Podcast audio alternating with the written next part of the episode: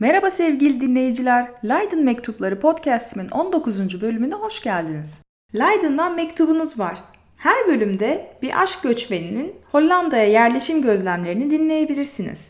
Dümdüz bir ülke, kanallar, bisikletler, ilişkiler, eğitim ve iş bulma çabaları. Bana Twitter'dan @leidenmektuplar veya Instagram'da @ayşemayşe hesaplarından ulaşabilirsiniz.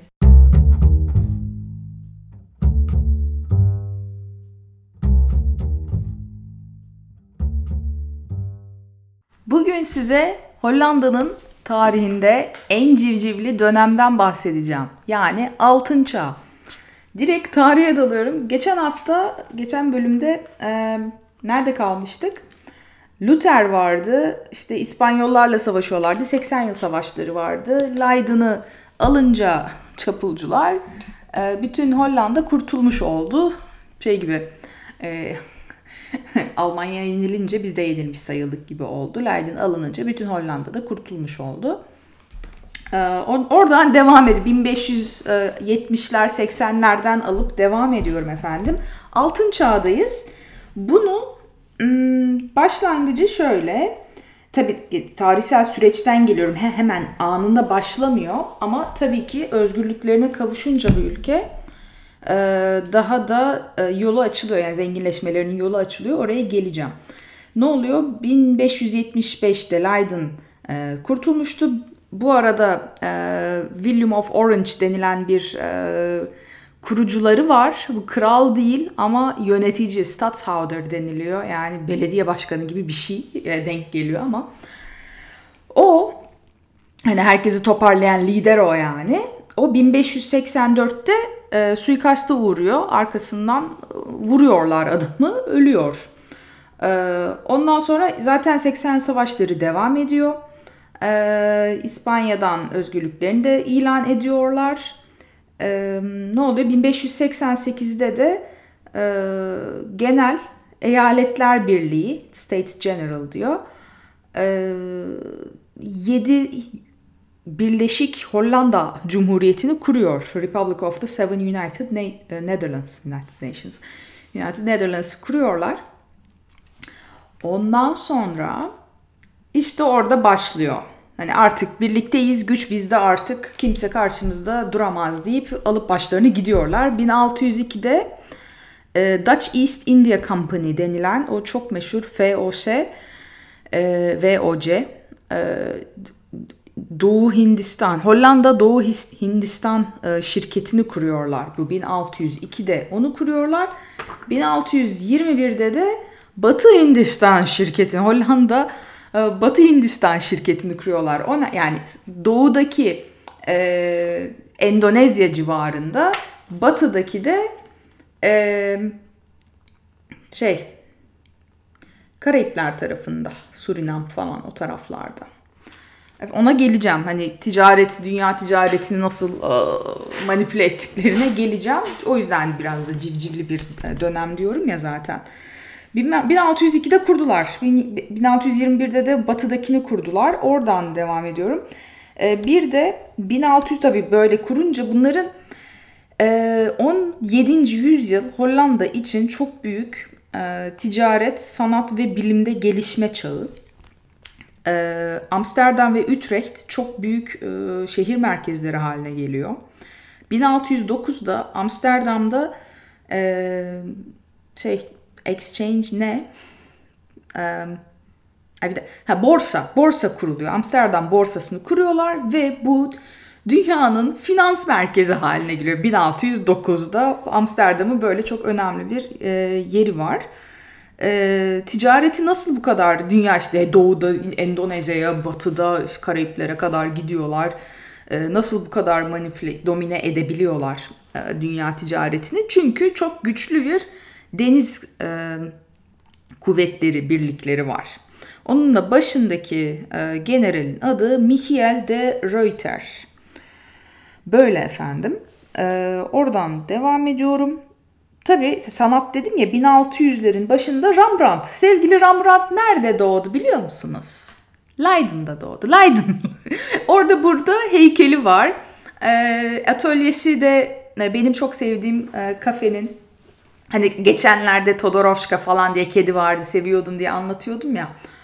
O kafenin olduğu sokakta çok yakın yani birkaç bina ötesinde e, Rembrandt'ın çalıştığı atölye var. Böyle yüksek 4-5 katlı yüksek e, üçgen çatılı bir bina. İçine giremiyoruz ama önüne şey yapmışlar böyle manken gibi e, cam mekan vitrine sanki e, Rembrandt orada işte resim yapıyormuş gibi öyle bir şey yapmışlar. E, e, model koymuşlar oraya. Burası onun atölyesi diye de yazıyor yanında. E, Rembrandt 1642'de gece bekçileri portresini, e, portre değil o, e, tablosunu tamamlıyor. Onu da zaman çizelgesi burada gösteriyor. 1648'de Münster Barışı ile 80 yıl savaşları bitiyor efendim. Nihayet bitirdik savaş. Bütün bunlar olurken işte ticaret yapıyorlar, e, doğuya batıya gidiyorlar. E, denizcilikleri, denizcilikleri çok kuvvetli falan filan hani borsayı kuruyorlar. Dünya merkezi haline geliyor. Bu arada hala savaşlar sürüyordu yani. 1648'de 80 yıl savaşları bitiyor. Ondan sonra 1650 ile 72 arasında ilk defa ikinci William ölünce hani birinci 1584'te e, suikasta uğramıştı. Onun üstüne ikinci William çıkıyor. Ee, o yönetiyor biraz. 1650'de onu da kaybedince artık e, başı olmayan bir e, e, ülkeye dönüşüyor Hollanda ve bin, kaç 22 yıl 1650'den 1672'ye kadar e, lidersiz devam ediyor. Bu da e, tabii iyi etkilemiyor tam ya galiba çocuk kral aman çocuk yönetici gibi bir şey var o sırada tam bin kaç o 1672'de bir linç gerçekleşiyor. Yani onun danışmanlarından biri Johann de Witt ve onun kardeşi Cornelis e, Den Haag e, Lahey'de e, sokakta e, Orange yani Orange, ne demek? Birinci William'ın geldiği aile Almanya'daki aile yeri yani şey e, beylik yerinin adı Orange. O yüzden turuncuyu çok seviyorlar ya zaten. Oradan geliyor. Neyse yani Orange taraftarları Johann de Witt ve kardeşi Cornelis'i 1672'de e, bir e, şey e, hapishane var çok e, tarihi orada Den Haag'da. O hapishanenin önünde linç ediyorlar iki adamı da. Böyle de çirkin bir ortam var yani aslında. Ee, siniri bozuluyor insanın. Tam o sıralarda şey var. E, Spinoza, o da İspanya'dan ailesi göçmüş e, Musevi bir e, filozof. Ee, Den Haag'da o da Lahey'de yaşıyor bu arada. Hem, hem Amsterdam'da hem Lahey'de yaşıyor. Ee, o yani bu linçler falan olurken Spinoza hani çok çok, çok etkileniyor, çok kötü hissediyor. O, bunlar hakkında e, yani bunlar olurken felsefe yapmaya çalıştığı için aslında zamanın ne kadar ötesinde olduğunu da gösteriyor.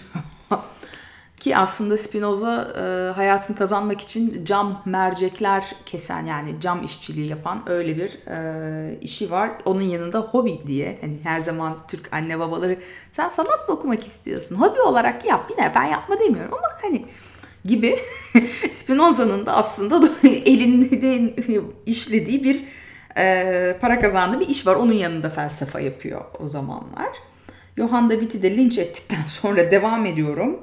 1665-67 arasında bu arada yani tam işte on, o sıralarda ondan biraz önce e, İngiltere ile ikinci e, deniz savaşları e, gerçekleşiyor.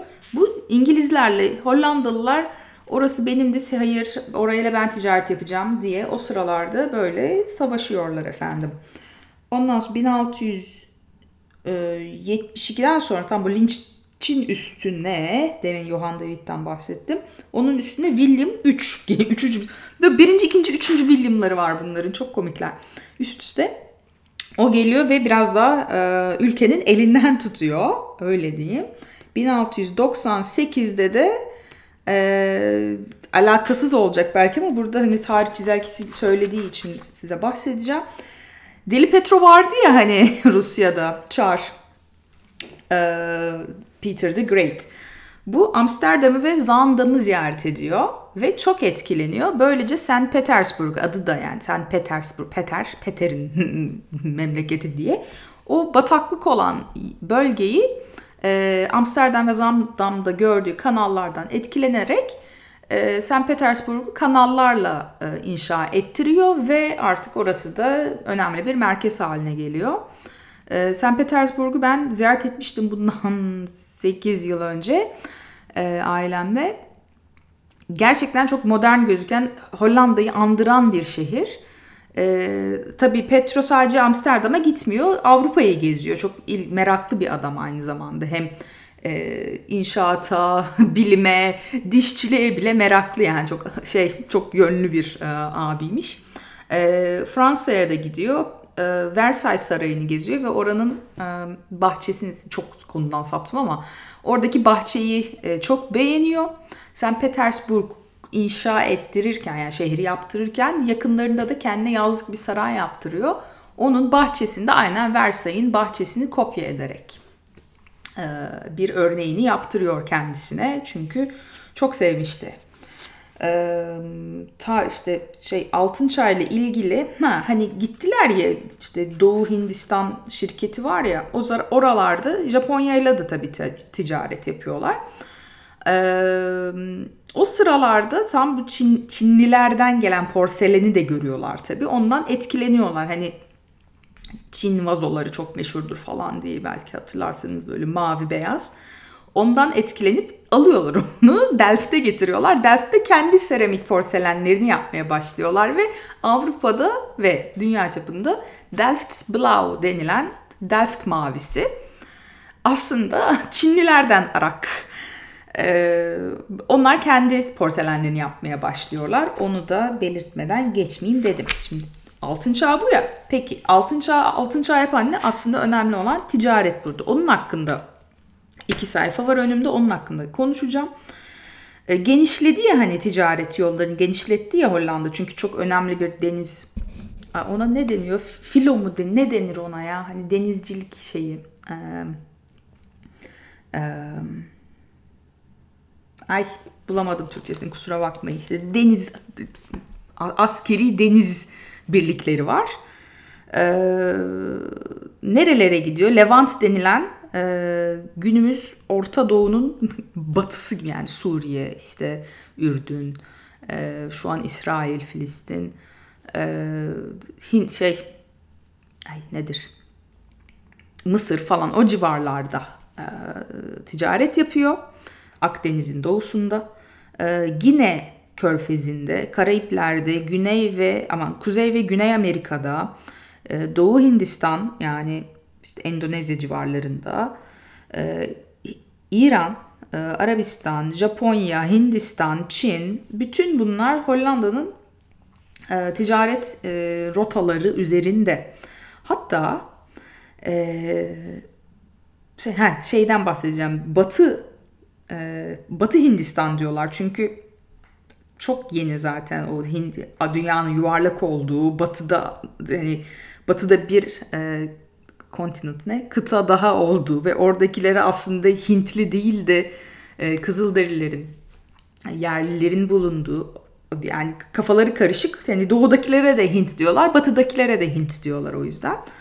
Öyle kalmış o sırada e, isimlendirilmesi ve e, Manhattan aslında.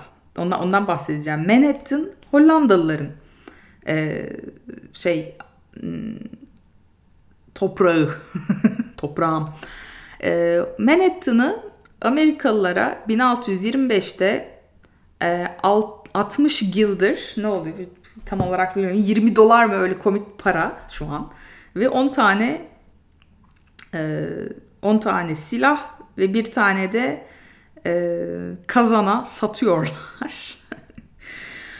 Bu da komik bir şey aslında. Hani şey vardır ya İstanbul not Constantinople diye böyle bir şarkı vardır. They Might Be Giants'ın 1950'lerden 40'lardan mı 50'lerden mi ne? Orada da hani İstanbul'a Konstantinopol mu diyeceğiz, ne diyeceğiz yaşayanlar bilir bize bir şey söylemek düşmez. Zaten eski New York'ta eskiden yeni Amsterdam'dı diye şarkı sözleri vardır. O da hani Manhattan'ın eskiden Hollandalı e, olduğu ve oradaki e, bölge işte sokak cadde adları, bölge adlarının e, Hollandaca'dan geldiğini belirtmek isterim. Şimdi Ayşegül sen çok gezmişsin zaten diyeceksiniz. New York'a da gittim. Orada işte Harlem, buradaki Hollanda'daki Harlem'den geliyor. Burada iki aile, orada tek aile inmiş. Brooklyn nereden geliyor? Hollanda'da Breukelen var, oradan geliyor. Bir de neden bahsedecektim? Broadway. Broadway tamam İngilizce de Broadway ama Dutch'ı da e, ona yakın bir kelime. Braidweg mi öyle bir şey. Ee, yani oralarda bol bol Hollandalı var idi. Sonra da Amerikalılara satmışlar 1625'te. Ee, bu şirketlerden biraz daha bahsedeyim.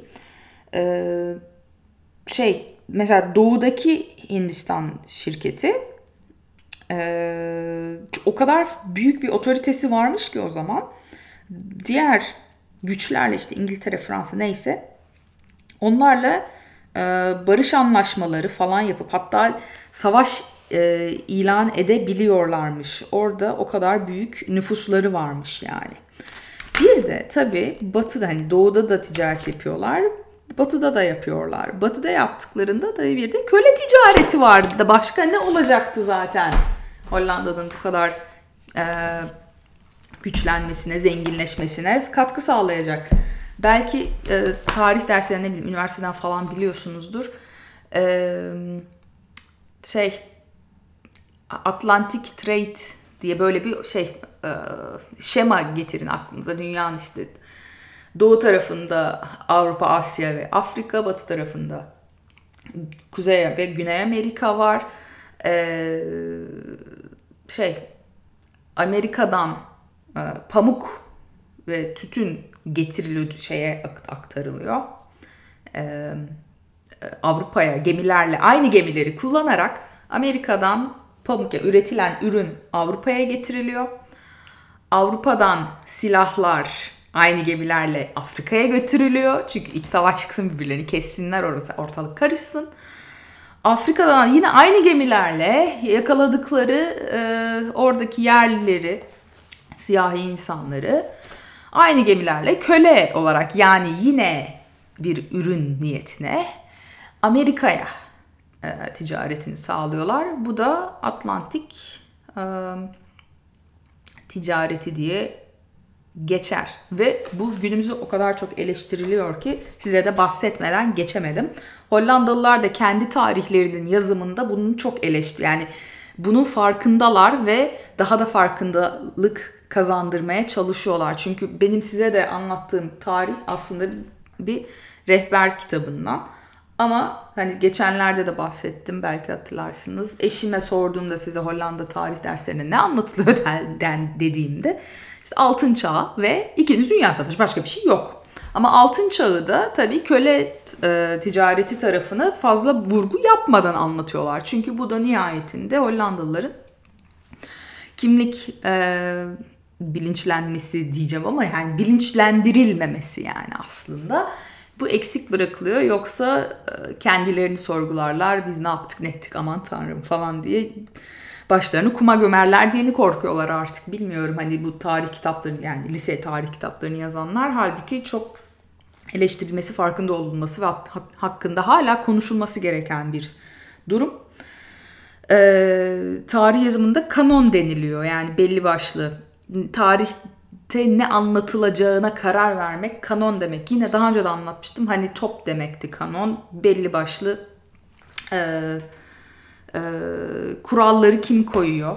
Onlar neler diye. E, o onun yani kanonu e, eleştiriyorlar.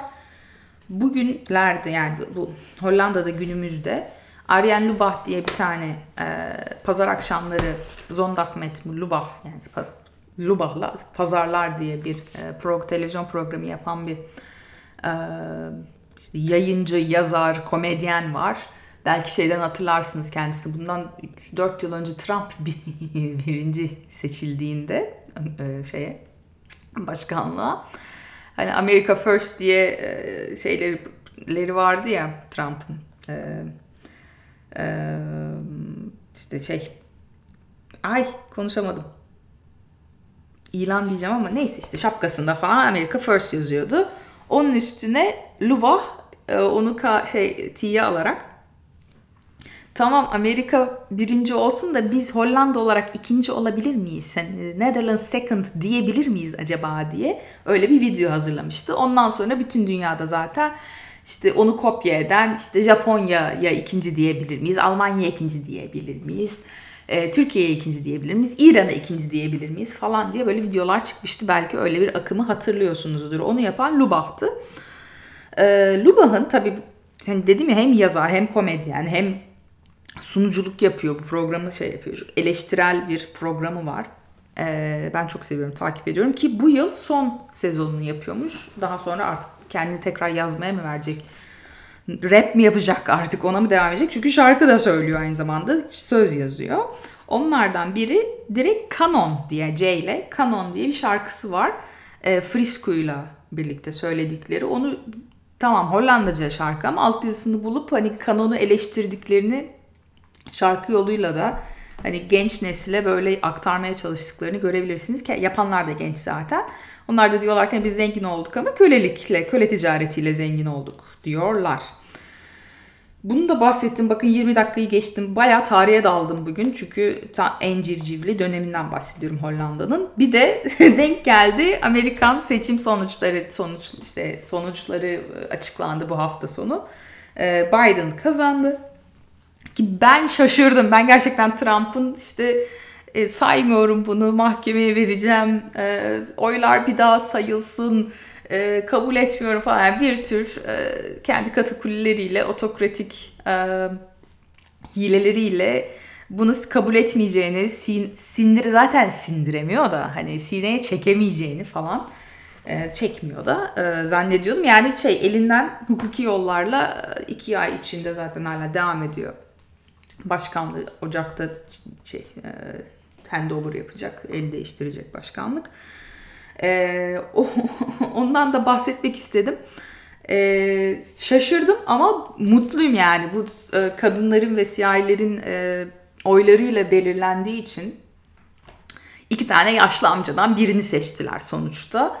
E, çünkü Amerikalılar muhafazakar hala muhafazakar. muhafazakar. Ay konuşamadım. Ee, bu e, onların yanında genç bir vice president adayı vardı Kamala Harris diye. O benim ilgimi çekti aynı zamanda. Bu e, başkan yardımcısı ilk defa bir kadın olacak. İlk defa ya Kamala'nın babası Jamerika, Jamerika, Jamaika Amerikalı. Annesi de Hintli. Yani bu tam bir e, melting pot e, işte eriyen şey, salata şey gibi yani multikültürel e, çok kültürlülüğün yansıması olacak ki bu beni çok e, umutlandırıyor çünkü Amerika'nın işte böyle bir içeriden gelen e, hem siyahilerin hem kadınların desteklediği bir aydınlan politik aydınlanma yaşamaları gerekiyordu. Obama'dan sonra Obama güzel bir zirveydi ama Trump gelince yine batırdı etrafı.